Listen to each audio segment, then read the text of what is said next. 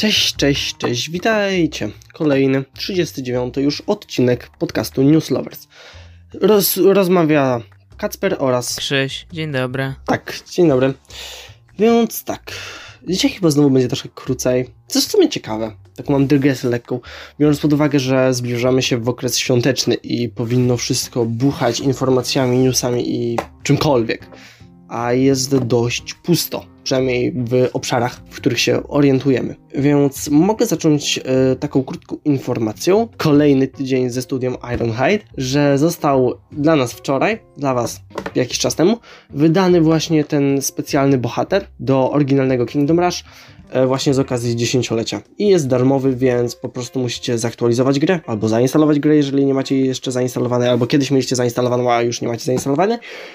I po prostu go sobie wypróbować. Ja już próbowałem, naprawdę jest fajny, fajnie się nim gra, więc to tak na rozgrzewkę było. Okej. Okay. Idąc dalej, to ja mam drugą informację na rozgrzewkę. A ona jest taka, że mamy sprawę Denisa Villeneuve'a, czyli reżysera Dune, którego ostatnio uwielbiam całym moim serduszkiem. Fakt jest taki, że Denis zabiera się za ekranizowanie kolejnej książki sci-fi, której nie kojarzę. Ale jeżeli Denis zabiera się za ekranizowanie jakiegoś sci-fi, to dla mnie to są w tej chwili dwie informacje. Po pierwsze, muszę to sci-fi przeczytać. Po drugie, czekam na film, który powstanie na podstawie tego sci-fi, bo jest reżyserowany przez Denisa Villeneuve'a. Chociaż Blade Runnera nadal nie widziałem, ale to nieważne. Eee, mm, mm, mm. Nie musisz. Okej. Okay. O, kontrowersyjna opinia, dobra. Bo, bo wszędzie ludzie w sieci wtedy zachwycali się nowym Blade Runnerem. Oprócz Ridleya Scotta, który powiedział, że jest za długi. A, więc nie wiem, ale no, okej. Okay. E, w każdym razie, przechodząc do tego, to będzie to adaptacja książki Spotkania z Ramą e, Artura S. Clarka. I wiemy też, że jednym z producentów będzie Morgan Freeman, co jest ciekawe, okej. Okay. E, I jeżeli przybliżyć opis fabuły tym, którzy tak jak ja nie znają książki, no to chodzi w niej o to, że w roku 2131 w Układzie Słonecznym pojawia się obcy obiekt nazwany z mitologii hinduskiej Ramą, E, zdumiewa on swoim idealnym, regularnym kształtem i prezentuje się na tyle fascynująco, że Ziemianie organizują wyprawę w celu dokładnego przyjrzenia się temu zadziwiającemu tworowi. Powołana do wielkiej, po wielkiej katastrofie w 2077 roku Straż Kosmiczna postanawia wysłać ekspedycję pod dowództwem komandora Nortona w celu zbadania niezwykłego przybysza z kosmosu. I no i tak, tak brzmi opis właściwie książki, na której podstawie Denis Villeneuve ma kręcić nowy film. E, brzmi to dość enigmatycznie dla dla kogoś, kto książki nie zna właściwie, tak jak ja, e, więc nie wiem co to będzie. Opis brzmi jakby dziwnie i jakby sam opis mnie chyba nie zachęca do obejrzenia nim przeczytania, ale ufam w tej chwili Denisowi Villeneuve'owi po tym, co pokazał nam w Dune, więc liczę po prostu, że to będzie powstanie kolejny dobry sci-fi. Z takich bardziej, wiesz, poważnych sci-fi jako alternatywa dla głupawych komedii akcji i filmów Marvela, no. które dominują w tej chwili to kino bardziej rozrywkowe. Czyli chodzi o dokładnie to, o czym mówiliśmy już dwa tygodnie temu i trzy tygodnie temu i kiedyś tam jeszcze.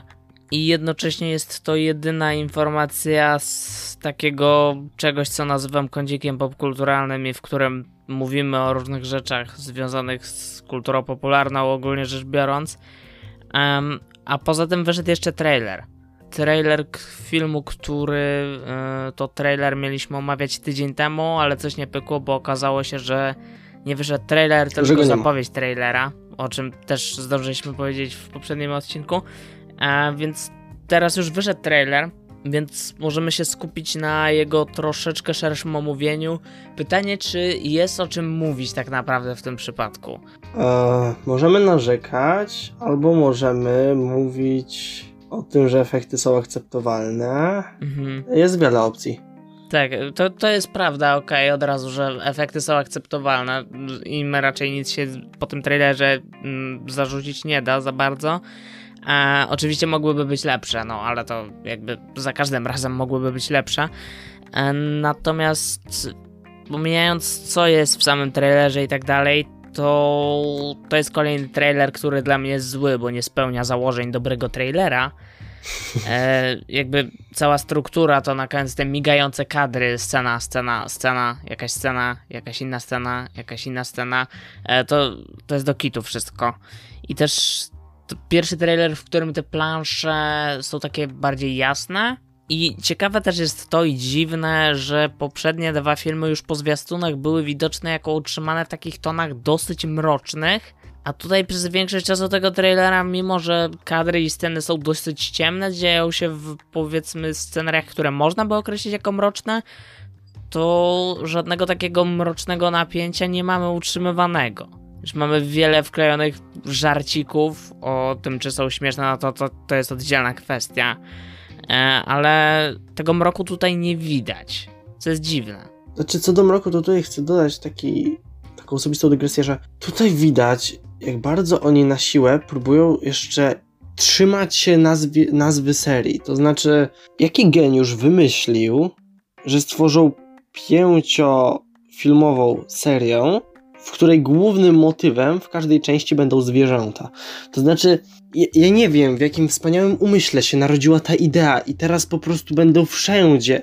Nie mam jakoś nic do Newta konkretnie. Okej, okay, niech sobie istnieje, ale teraz jakby wszystko będzie zwierzętem. Scena walki zwierzę. Scena śmieszna małe kraby. To jest po prostu.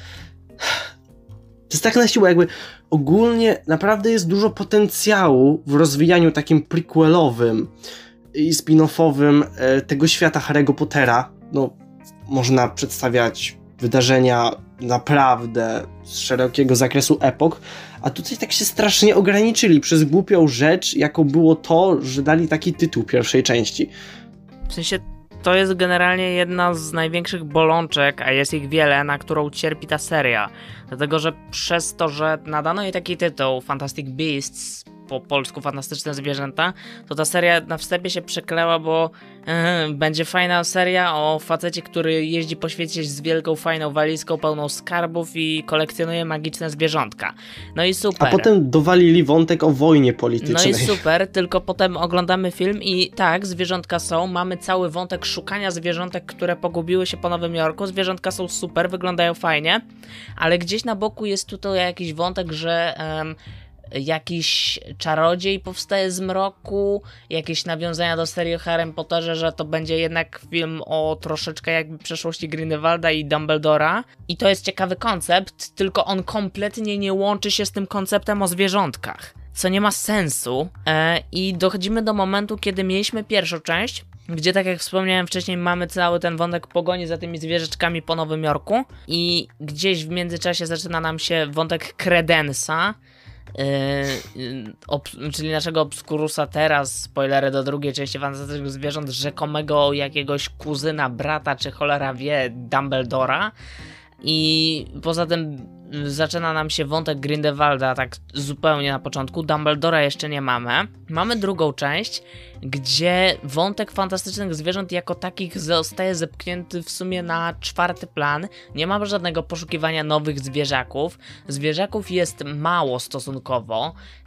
I nie są też jakimś ważnym elementem, przez to ludzie, no dobra, ten wątek rozpoczęcia postaci Grindelwalda, tego jego spięcia z Dumbledorem nie wychodzi zbyt dobrze, ale jest to to ciekawy koncept, tylko że w tytule serii mamy fantastyczne zwierzęta, to gdzie są te zwierzęta? I finalnie mamy zwiastun trzeciej części, gdzie mamy dowalone te zwierzęta po prostu wszędzie, gdzie się da, przez co cała reszta wątków zostaje przez nie w jakiś tam sposób przyćmiona. Tak, bo problemem jest po prostu sam konflikt wewnętrzny między tym, co chcieli zrobić PR-owcy, tym, co chciał zrobić reżyser, a tym, e, co chciała zrobić Rowling, e, to wydaje mi się, że samo założenie, że da się zrobić ciekawy, wciągające pięć filmów, które się skupiają głównie na zwierzętach, było bardzo hura optymistyczne. I mam wrażenie, że na etapie produkcji doszło do czegoś takiego, hmm, to się jednak nie uda, dobra, to dowalimy jakieś mroczne wątki dla fanów. Właśnie I pytanie, czy kiedykolwiek właściwie na etapie preprodukcji był pomysł na to, żeby te fantastyczne zwierzęta były jakimś głównym wątkiem tego filmu, tych filmów. To jest też ciekawe. Albo po prostu nie mieli pomysłu na podtytuł, na tytuł, a mieli pomysły na podtytuł. Tak, to, to też jest możliwe, ale dziwne biorąc pod uwagę, że pracują tam ludzie, którzy powinni się chyba jednak na tym znać. Tak. A, I jeszcze wspomniałeś o samej postaci Newta i postać Newta w sumie też jest jeszcze jednym oddzielnym problemem. Dlatego, że mamy przedstawioną postać Newta w pierwszym filmie, która nam jest zarysowywana jako główny protagonista serii, w następnych, który ma być tym protagonistą nadal w następnych filmach. I jest to postać niewątpliwie ciekawa i dobrze napisana, i też z fajnie zarysowaną historią, dlatego że nie jest to typowy męski protagonista. Jakby Newt to była postać z dużym potencjałem, po czym dochodzimy do trzeciej części, przez tą drugą, gdzie Newt tam gdzieś się kręcił, ale już inni bohaterowie, którzy teoretycznie mieliby być głównymi bohaterami w następnych częściach serii, czyli mieliśmy Jacoba, mieliśmy Queenie i mieliśmy Tinę, e, w drugiej części zostają zepchnięci kompletnie na drugi plan. Na pierwszym planie utrzymuje się właściwie tylko Newt, Jacob. Mamy jeszcze cały wątek Queenie. Tina schodzi na trzeci plan. Swoją drogą Tiny w tym zwiastunie ja w ogóle już nie widziałem. Tak, chyba jej nie było. Właśnie, a w obsadzie na IMDb jak się zerknie, to jest ta aktorka i ona chyba ma grać w tym filmie, więc to jest ciekawe, że co, co się dzieje z tymi bohaterami. W każdym razie dowalono nam w mm, drugiej części, to był jeden z problemów, że dowalono nam kolejne postacie, ich kolejne wątki. Mieliśmy na przykład choćby cały wątek Little Lestrange, który też na przykład powinien być, nie powinien być zamknięty w jednym filmie, bo to był zbyt obszerny wątek, żeby go tak zamykać i on powinien się ciągnąć i byłby fajnym wątkiem do ciągnięcia przez kolejne filmy serii, ale nie, bo znowu spoiler do zbrodni Grindelwalda, Litę uśmiercono nam na koniec tego filmu. E, I mamy pełno takich postaci, mamy brata Newta choćby i inne postaci, które po prostu dowalone zostały w tej drugiej części. Zamiast i zamiast kontynuować nam wątków na pierwszym planie tych protagonistów, których poznaliśmy w Nowym Jorku w części pierwszej, to rozpoczęto nam wątki nowych postaci. I tutaj po zwiastunie ja niestety widzę coś takiego, że ten trend będzie kontynuowany. To znaczy, że dowalają nam znów nowe postacie, które wysuwają się na pierwszy plan, przez co te postacie z pierwszych i drugiego filmu spadają na plan drugi i trzeci. I mamy nowe postacie, którym znowu trzeba zarysować jakiś background i znowu będzie to w formie bardzo skróconej, bardzo ubogiej i bardzo wsadzonej na siłę. Znaczy mam wrażenie, że to jest podejście w stylu troszkę, no nie wyszły im te postaci, no to stworzą sobie nowe. No niby tak, ale jednocześnie... To, że to się nie uda. W sensie, czy to były złe postacie, się zastanawiam. Się, dla mnie personalnie... Jak... Zależy, ale no nie było dramatu, w sensie Zawsze może być gorszy. W sensie, okej, okay, postać Queenie na etapie pierwszego filmu jeszcze jakoś dawała ratę, na, na etapie drugiego zaczęła być już totalnie wkurzająca na maksa. Dla mnie przynajmniej. Znaczy, no, delikatnie zmienił się system wartości bardzo drastycznie. Powiedzmy, ale e, a potem mieliśmy, w, jeszcze mamy postać Tiny, która na etapie pierwszego filmu była jedną z tych fajnie zarysowanych obok Newta postaci, a, a w drugim filmie mamy ten cały wątek, że ona myśli, że Newt się żeni i jest zazdrosna, bo zobaczyła ten jeden artykuł w jakiejś gazecie, co jest z kolei idiotycznym wątkiem, no ale nie rozmawiam teraz o zbrodniach Greenewalda. E, I mieliśmy jeszcze Jacoba, który nadal, z tego co widzę, ma najwięcej czasu ekranowego z tych postaci, które były protagonistami w pierwszej części oprócz Newta, a Jacob dla mnie był najbardziej irytujący od samego początku. To znaczy był taki na siłę, na zasadzie, żeby była postać człowieka, coś takiego? W sensie okej, okay, że jakby cały ten pomysł na wątek tego Mugola, który poznaje ten świat czarodziejów i nie jest to kolejny Mugol, który tak jak większość Mugoli w serii o Harry Potterze został przedstawiony jako e, idiota, krótko mówiąc, Dursleyowie patrzę na was. Choć trzeba zauważyć, że jakoś e, lubią dawać lekko pulchniejszych Mugoli. To tak, nie wiem czemu, ale to, to, to, jest taka zależność. Takie, no właśnie, coś nie grało i um, no i właśnie, i to był fajny pomysł, tylko że sprowadzę Jacoba z każdą kolejną sceną, dru szczególnie drugiego filmu, znów zaczęto sprowadzać do roli głupka. Takiego wiejskiego jakby głupka, który gdzieś się tam obraca. Nie ogarnia kompletnie tego wszystkiego, nikt mu nie próbuje też tego wyjaśniać. Cały czas jest, że e, Grindelwald lekceważy Mugoli, ale oni też mają moc, rutututu, coś tam, coś tam. Ale to nie jest właściwie nam w ogóle pokazane i tutaj mamy znowu, wracając do tego, od czego rozpoczęliśmy, czyli zwiastun trzeciej części Fantastycznych Zwierząt, Jacob dostaje różdżkę, bo tak. Właśnie to, to jest dziwne. Czy to, wiesz, czy się okaże finalnie w filmie, że to jest atrapa różdżki, żeby czuł się wyróżniony, czy o co chodzi? Jak grzechotka dla małego albo dziecka, cholera Nie, wie. jeszcze lepszy byłby plot twist, gdyby się okazało, że jest jak Hermiona i że nagle ma moce. I w sumie nie zdziwiłbym się jakoś bardzo, gdyby coś takiego zrobili. E, Ale to tak, out of the canon to jest teraz specjalność J.K. Rowling. A równie dobrze może być to atrapa różdżki, coś wiesz, jak dzieciom kiedyś, kiedy wszyscy dorośli w takiej powszechnej opinii wszędzie podkreślano, że wszyscy palą, e, więc wyprodukowano specjalne gumy do rzucia, żelki, które wyglądają jak papierosy, żeby dzieci też mogły udawać, że palą, żeby czuły się jak dorośli. Tutaj mamy Jacoba, który dostaje różdżkę, atrapę różdżki, żeby czuć się wyróżnionym i nie odstawać od reszty czarodziejów czy coś. Ponieważ jest na mentalnym poziomie dziecka. To też prawda, bo to, to też jest ko- kolejny etap schrzanienia tej postaci. To w ogóle mamy jakieś, mamy powrót tej asystentki Newta, która widzę, która była chyba w dosłownie dwóch scenach i miała wątek taki, że w poprzednim A, filmie, że tak, się było chyba w Newcie podkochiwała czy coś, ale ten wątek był z dupy, bo potem nie został w żaden sposób rozwinięty. I tutaj wygląda to trochę tak, jakbyśmy mieli mieć powrót tego. E, I mamy nową postać w formie tej jakiejś e, czarnoskórej nauczycielki, która nie wiem kompletnie kim jest. I nie wiem, co tu robi ta postać i dlaczego to jest akurat ta postać. Pewnie będzie kolejną postacią ze słabo zarysowanym backgroundem. Okej. I mamy powrót jakby brata Newta, czyli Tezeusa Scamandera, który widać, że będzie tu miał jakąś troszeczkę widać, nie wiem, może większą rolę do odegrania. Żałoba po śmierci żony, jak widać, trwała krótko. Okej, spoko. Da, a przechodząc może do trochę innego wątku, jak oceniasz Grindelwalda w, tym, w tych kilku scenach, w których go widzieliśmy? No właśnie, to jest ciekawe też pokazanie go tutaj, dlatego że w sumie nie mamy. Jak sobie przypominam, zwiastuny do y, zbrodni Grindelwalda, to mieliśmy tam monologi Grindelwalda w tle, to po pierwsze, i mieliśmy zwiastun właściwie skupiał się każdy nowy materiał promocyjny na nim tak naprawdę, co nie było dziwne, bo tytułem były zbrodnie Grindelwalda, jak to potem wyszło w filmie, no to wszyscy, którzy oglądali wiedzą oczywiście. A tutaj mamy z kolei coś takiego, że Grindelwald, pokazanie tej postaci w tym materiale jest taką migawką trochę. On ma niby dużo scen, trochę ma kwestii dialogowych, ale nadal jest taką migawką. Pojawia się, znika, pojawia się, znika. Nie mamy czasu, żeby mu się przyjrzeć w tym materiale, bo wszystko skupia się na dowaleniu jak największej ilości zwierzaczków i nostalgii związanej z Hogwartem. Do tego jeszcze potem przejdziemy ale po tych kilku scenach, w których widzimy całą prezencję jakby Maca Mikkelsena w tej roli, no na pewno wygląda, zachowuje się inaczej i inaczej widać, że podchodzi do tej roli niż Deep. Po tych kilku klipach już mogę to jakby powiedzieć z prawie stuprocentową pewnością.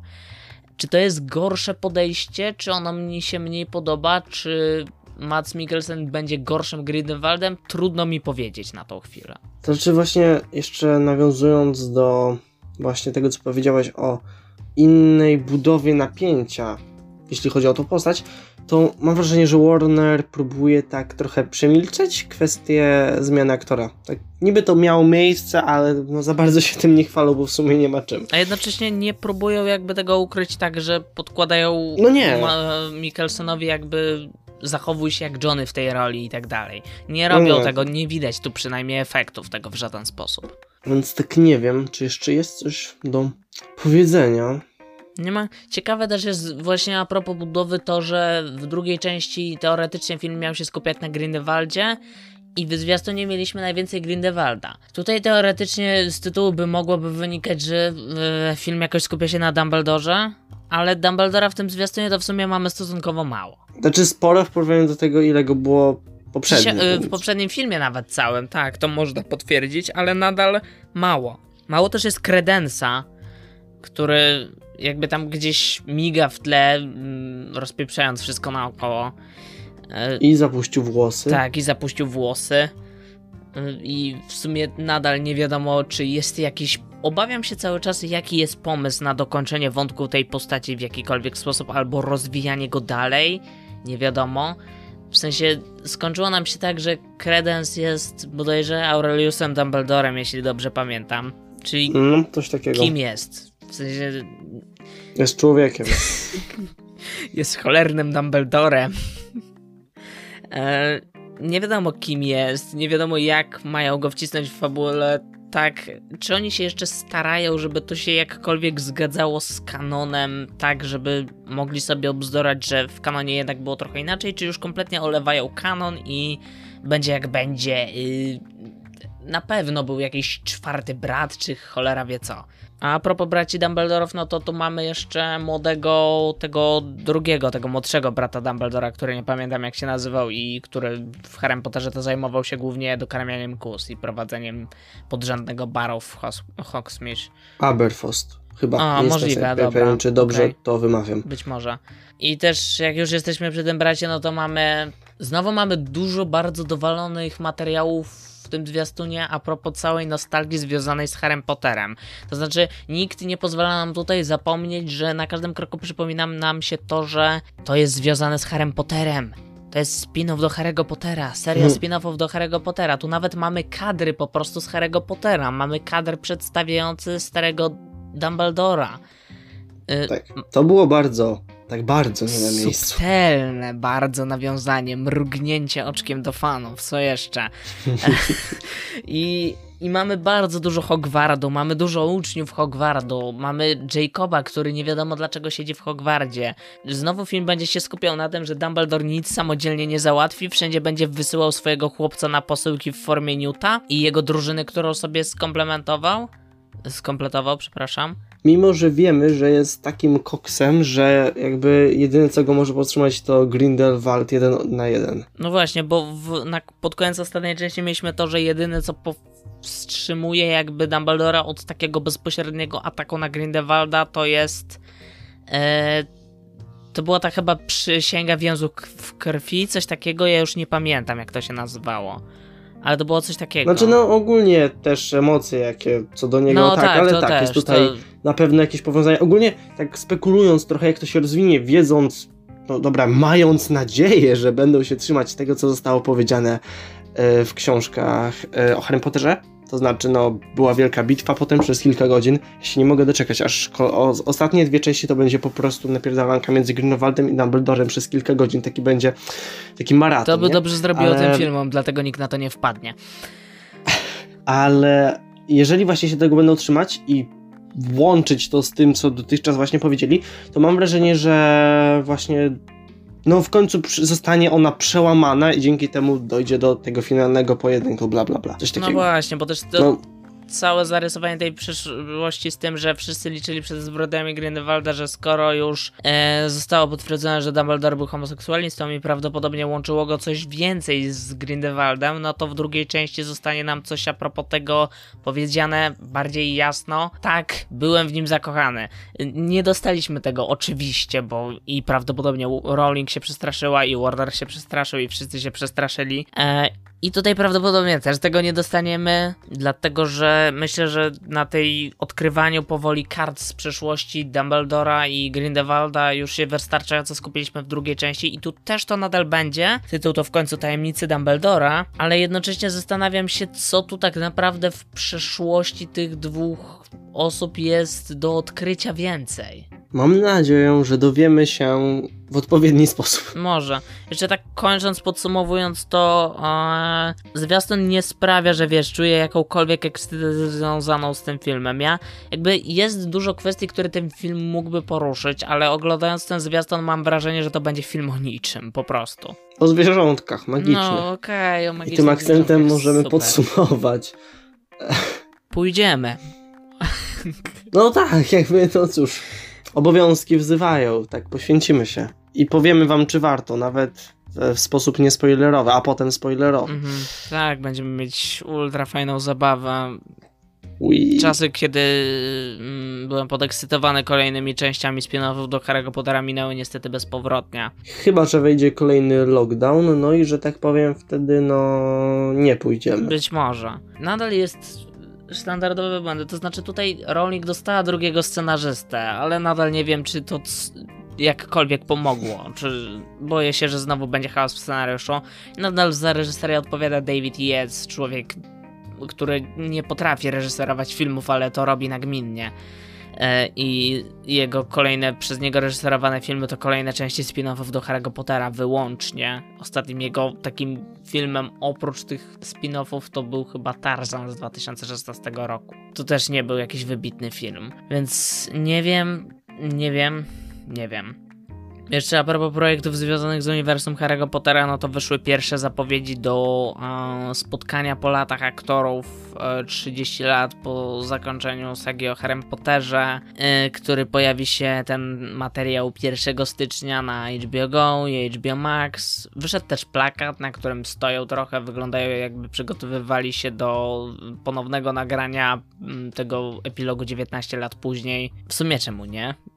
Też nie wiem, co z tego wyjdzie, no to będzie taki pewnie tok i tyle. Nie no tak. Może nie wiem, może wzbudzi lepsze nostalgiczne emocje niż nowa część Fantastycznych Zwierząt, która też będzie miała oczywiście za zadanie wzbudzać te nostalgiczne emocje, ale już na tym etapie ja mogę powiedzieć, że to chyba nie wyjdzie.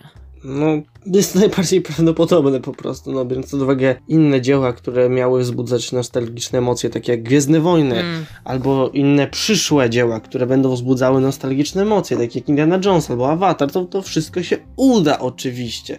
To będą wspaniałe filmy. Tak, Cameron kręci tego awatara od, przepraszam, ilu? 15 lat? E, Potem takie, wiesz, pięć części naraz. tak, pięć części naraz, w jednym roku, w grudniu, wszystkie pięć awatarów naraz wleci, wszystkie w IMAX 3D, z dubbingiem. Po prostu pochłoń wszystkie awatary naraz, przeżyj z nami te emocje, maraton pięciu awatarów. No, Ile to by trwało, Boże? za długo. E, dobrze, powinniśmy już kończyć ten jeden element. Mhm. Tak. Nie ma co się już nad nim rozwlekać. Więc teraz przechodząc do rzeczy dużo przyjemniejszych. Tak, więc jeżeli jesteście mm, fanami e, polskiej kultury, polskiej rozrywki, e, polskiego dziedzictwa narodowego, to nie wiem czy wiecie, czy nie, że miała miejsce premiera wspaniałego filmu pod tytułem Magnaci i Czarodzieje. I ja, i jest on e, na YouTubie i ja trwa 43 minuty i definitywnie polecam obejrzenie go. To znaczy, okej, skończyła mi się powaga. tak na... Po prostu spodziewajcie się tego, co było w memach przez 43 minuty. To znaczy, po prostu musicie się tak przygotować psychicznie na to doświadczenie, choć y, trzeba zauważyć, że biorąc pod uwagę obecny stan polskiej kinematografii, to jest to naprawdę jeden z lepszych filmów ostatnich lat. I tak naprawdę, mówiąc to niesarkastycznie, biorąc pod uwagę, czym ma być, czyli trochę satyrą samego gatunku fantazy i fakt, że jest to film praktycznie zerobudżetowy i jest tworzony od 10 lat. Ale no, macie wolne popołudnie, wieczór, cokolwiek, to warto. Dla nostalgii. No chyba, że nigdy nie słyszeliście, to, to nie wiem, czy wzbudzi to w was takie emocje. Ale tak, taka ciekawostka. Może kogoś wyjątkowo natchnąłem. Można tak pomarzyć. Okej. Tak jak o tym mówiłeś, to mi przy o dziełach polskiej kinematografii, to mi przypomniałeś, że nadrobiłem ostatnio, żeby nie było śladów, czyli teoretycznie polskiego kandydata do Oscara w tym roku. E, to znaczy do gali Oscarów w następnym, ale nieważne. E, I też film polecam generalnie, ale nie o tym chciałem mówić. Ale jednocześnie pozostanę przy rzeczach przyjemnych, dlatego że Krzyś postanowił samodzielnie wybrać się do kina i obejrzeć kolejny film, który jest e, napakowany gwiazdami wszelkiego rodzaju i urodzaju. E, ale tym razem film, który nie jest w pełni w dystrybucji kinowej, dlatego że od bodajże 24 grudnia czy 25, nie pamiętam, ma się pojawić na Netflixie już tak oficjalnie, a na razie gdzieś tak w kinach przemykają pokazy po prostu e, w kinie. E, mówię o filmie Don't Look Up, Nie patrz w górę, na którym byłem. A, Tak, i na którym Kacper miał ze mną być, ale nie wyszło, No, więc byłem na nim sam. I to jest kolejny film, który oglądam po House of Gucci w kinie i w którym jest plejada gwiazd. Tym razem mamy DiCaprio, Lawrence, między innymi Maleta, Kate Blanchett. E, długo by wymieniać, bo Meryl Streep, jacyś inni ludzie, których nie pamiętam, nie kojarzę albo mnie nie obchodzą, ale był ten film O, I nie miałem szczególnych oczekiwań co do niego. Właściwie można powiedzieć, że byłem nastawiony neutralnie, slash nie miałem oczekiwań żadnych. Nie wiedziałem też, czym do końca ten film może być. A kiedy na niego poszedłem i go oglądałem, był on dosyć długi. Karetka mi wyje teraz za oknem, nie wiem, czy będzie to słuchać, z góry przepraszam. E, wracając do filmu, nie, tak jak mówię, nie miałem zbyt dużych oczekiwań i wyszedłem z seansu zadowolony. Więc wow, dla odmiany wyszedłem zadowolony z jakiegoś filmu. E, super. Fabuła filmu skupia się na tym, że e, studentka grana przez Jennifer Lawrence wraz ze swoim profesorem e, Leonardem DiCapriem odkrywają, że w kierunku Ziemi leci kometa. Kometa tak duża, że krótko mówiąc, po zetknięciu z Ziemią e, doprowadzi ona po prostu do zniszczenia naszej pięknej planety. I generalnie rzecz biorąc, fabuła skupia się na tym, że y, tym dwójce, tym, tej naszej parce głównej bohaterów dosyć szybko udaje nam się, y, dosyć szybko udaje im się dość wysoko w górze, y, konkretnie do prezydent USA zgłosić e, tą sprawę, ale niekoniecznie idzie to wszystko po ich myśli później, to znaczy mm, fabuła skupia się na tym, co się dzieje później,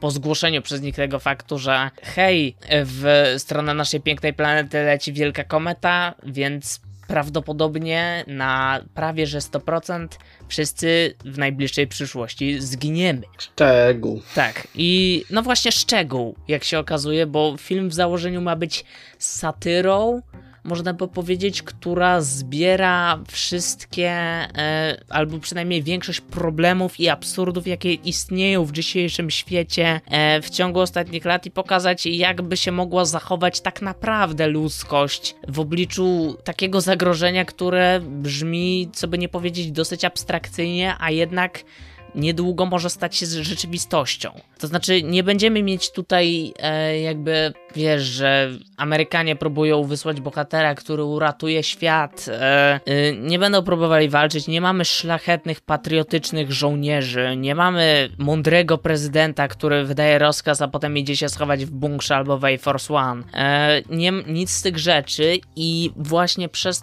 to, że jest to film bardzo szczery, bardzo dobrze punktujący i krytykujący wiele zachowań obecnych we współczesnej polityce, jak i ogólnie rzecz biorąc w współczesnym społeczeństwie, albo nastawieniu prasy do niektórych zjawisk, jest to niewątpliwie film bardzo aktualny w tym, co robi i jaki ma przekaz jest naprawdę bardzo wiele scen, które są żartami, bo ten film jest utrzymany jednak przez większość czasu w tonie komedii ale jednocześnie te żarty jasne pokazują reakcje, nie wiem, polityków, mediów, społeczeństwa. E, czasami można by rzec przebarwiony, przejaskrawiony, przesadzony sposób, ale robią to w konkretnym celu, żeby uwydatnić nas, że tak, my tutaj pokazujemy to wszystko w taki, a nie inny sposób, ale to w takiej, a nie innej formie może jak najbardziej się wydarzyć i nas dotknąć w obliczu tego typu katastrofy. Ta katastrofa może i na mniejszą skalę, bo, bo niekoniecznie w najbliższym czasie trzaśnie w nas wielka kometa, ale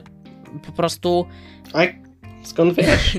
Kto wie, nie? Ale na mniejszą skalę po prostu różnego rodzaju katastrofy już nas dotykają i w najbliższym czasie mogą nas dotknąć. Różnego rodzaju absurdalne podziały społeczne już nas dotykają. I pokazanie tego wszystkiego ten film robi w naprawdę, naprawdę dobry sposób. E, jest fenomenalna scena, dlatego że w pewnym momencie główni bohaterowie wbrew zarządzeniu prezydenta po prostu, mm, to taki lekki spoiler, ujawniają na forum tę informację yy, yy, o tym, że leci w nas kometa, bo prezydent chciał zatajenia tego faktu, a oni mimo to to ujawnili e, i idą z tym do mediów, próbują to jak najbardziej nagłośnić i wychodzi im tak sobie e, i po prostu w pewnym momencie filmu ujawniają nam się dwa ruchy. Pierwszy e, mówi o tym, żeby just look up, żeby ludzie po prostu spojrzeli w górę i zobaczyli, że ta kometa faktycznie leci, a y, konkurencyjny ruch zbudowany przez polityków, głównie rzecz biorąc obecnej wtedy partii rządzącej w USA,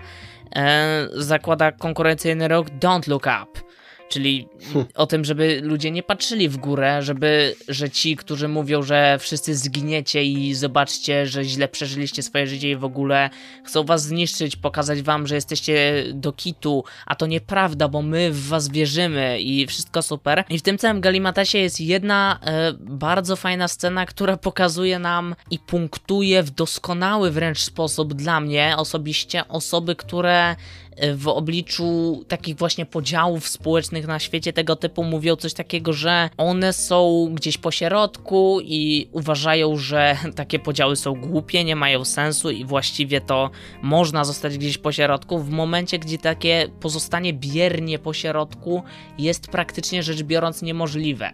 I ta jedna scena w tym filmie doskonale punktuje właśnie takie zachowania. E, mamy, ty, mamy ultra dużo scen, które punktują inne zachowania, pokazują reakcje ludzi w sieci na y, tego typu wydarzenia, y, na różne konflikty, pokazują jak absurdalnie działają różne mechanizmy, które w obliczu zagrożenia sprawią, że jako ludzkość po prostu się wywalimy na zbity pysk, bo nic, żadne mechanizmy nie działają tak jak powinny. Dajemy sobie złudne przekonanie, że one działają, ale tak naprawdę w obliczu zagrożenia to się wszystko wywali i runie. I to jest doskonale pokazane przez ten film. Mamy doskonałe pokazanie tego, co się dzieje w momencie, kiedy do władzy daje, w momencie, kiedy rządy krajów dają zbyt dużą władzę prywatnym korporacjom, które po prostu żerują na, e, oprócz oczywiście pieniędzy i wyzyskiwania ludzi, rządów z podatków i tak dalej, żerują na ludzkiej naiwności i tworzą różne akcje, które właściwie zależy im na utworzeniu ich tylko dlatego, żeby zdobyć kasę. A tak naprawdę nie zależy im na dobru ludzi. Jest to bardzo dobrze pokazane i ujęte w tym filmie. Dobrze wypada też gra aktorska, bo tutaj mamy, wiadomo, wszystkie te gwiazdy wpakowane na. y, Jest ich naprawdę dużo. Wybijają się oczywiście na pierwszy plan Jennifer Lawrence i DiCaprio. Oni jako ten duet tych naukowców, którzy gdzieś, który gdzieś się tam rozpada w trakcie filmu, wypadają naprawdę dobrze. Jest tutaj już w drugiej połowie filmu bardzo ważna moim zdaniem scena, po której niektórzy mogą mieć ciary, jest to monolog postaci Leonarda DiCapria i ona w tym filmie, ta scena wypada naprawdę świetnie, jak i sam DiCaprio w niej wypada także świetnie, yy, nie ujmując mu tego, że w całym filmie na, wypada naprawdę dobrze. Okej.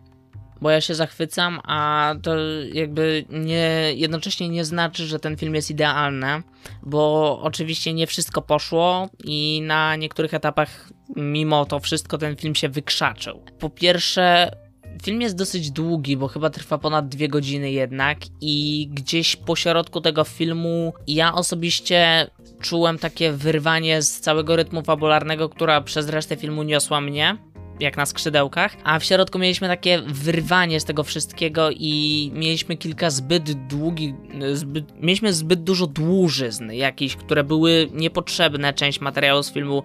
Jestem pewien, że można by wyciąć i um, nie zaszkodziłoby mu to w żaden sposób. Mamy też dobór muzyki w niektórych momentach szwankował według mnie, chociaż końcowa piosenka przy napisach końcowych jest naprawdę dobra. Um, widać też, że budżet kulał miejscami dlatego, że przeznaczono go chyba w większości na właśnie wybór takiej, a nie innej obsady, przez co efekty specjalne, które w niektórych momentach tego filmu musiały jednak zostać użyte, cierpią i nie wyglądają najlepiej, powiem tyle. E, chociaż są do, są do zniesienia. Nie jest tak, że one bardzo jakoś utrudniają w oglądaniu tego filmu. Też nie ma zbyt wiele scen tak czysto wykreowanych w CGI tutaj, więc to też nie jest jakaś bardzo duża wada. I przeszkadza też mi nie tyle samo zakończenie filmu, bo ono jest trafne jak najbardziej i jest taką, myślę, że puentą, która po prostu dobrze bardzo podsumowuje nam to, co widzieliśmy w całym filmie. Natomiast e, po tej puencie, po tym zakończeniu w trakcie napisów końcowych mamy jeszcze przeplatane pewne scenki, o,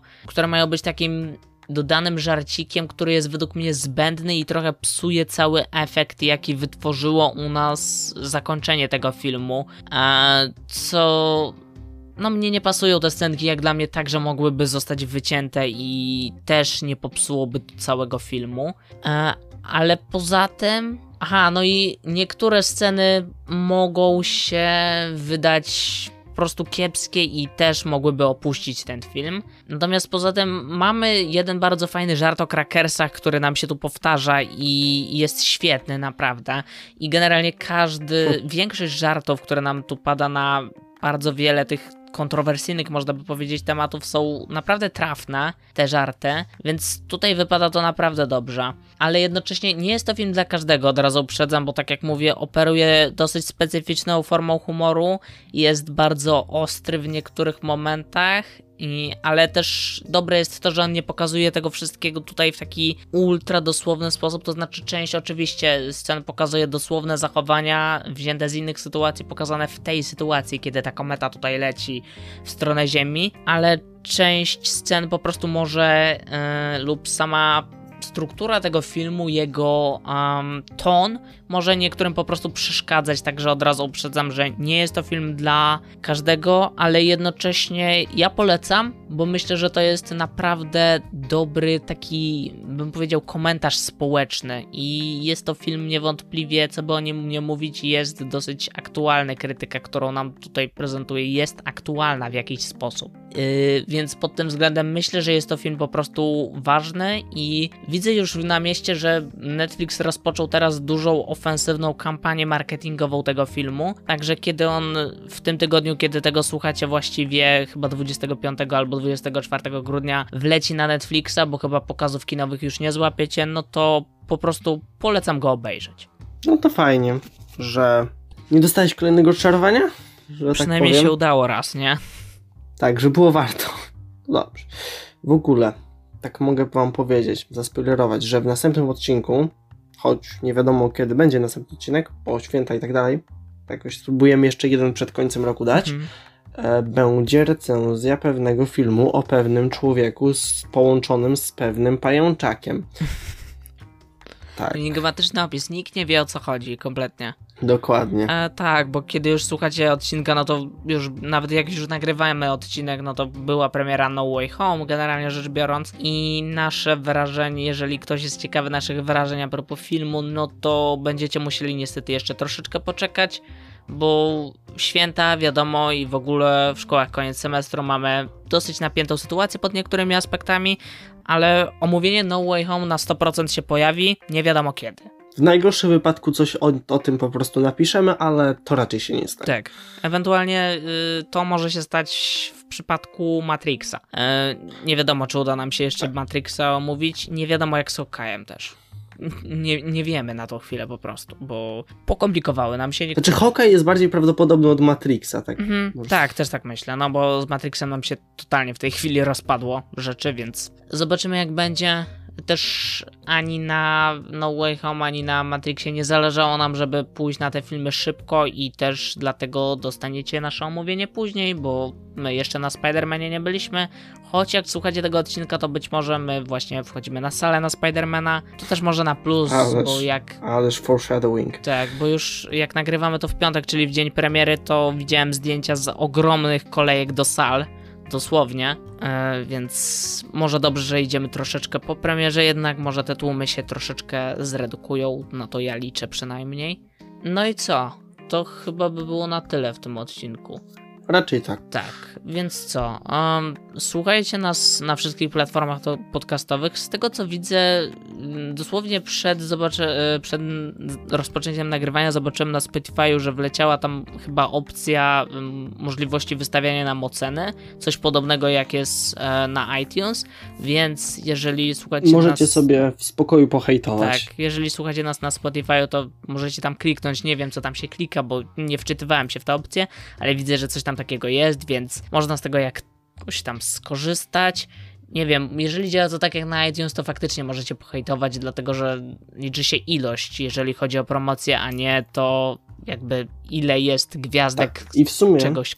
Jak chcecie hejtować, to możemy jeszcze się pobawić w politykę przez parę minut. Mhm. E, ponieważ właśnie w dzień, kiedy to nagrywamy, e, została przez Sejm przegłosowana ustawa tak zwany Lex TVN. Więc no, powiem tak jest źle, a będzie jeszcze gorzej.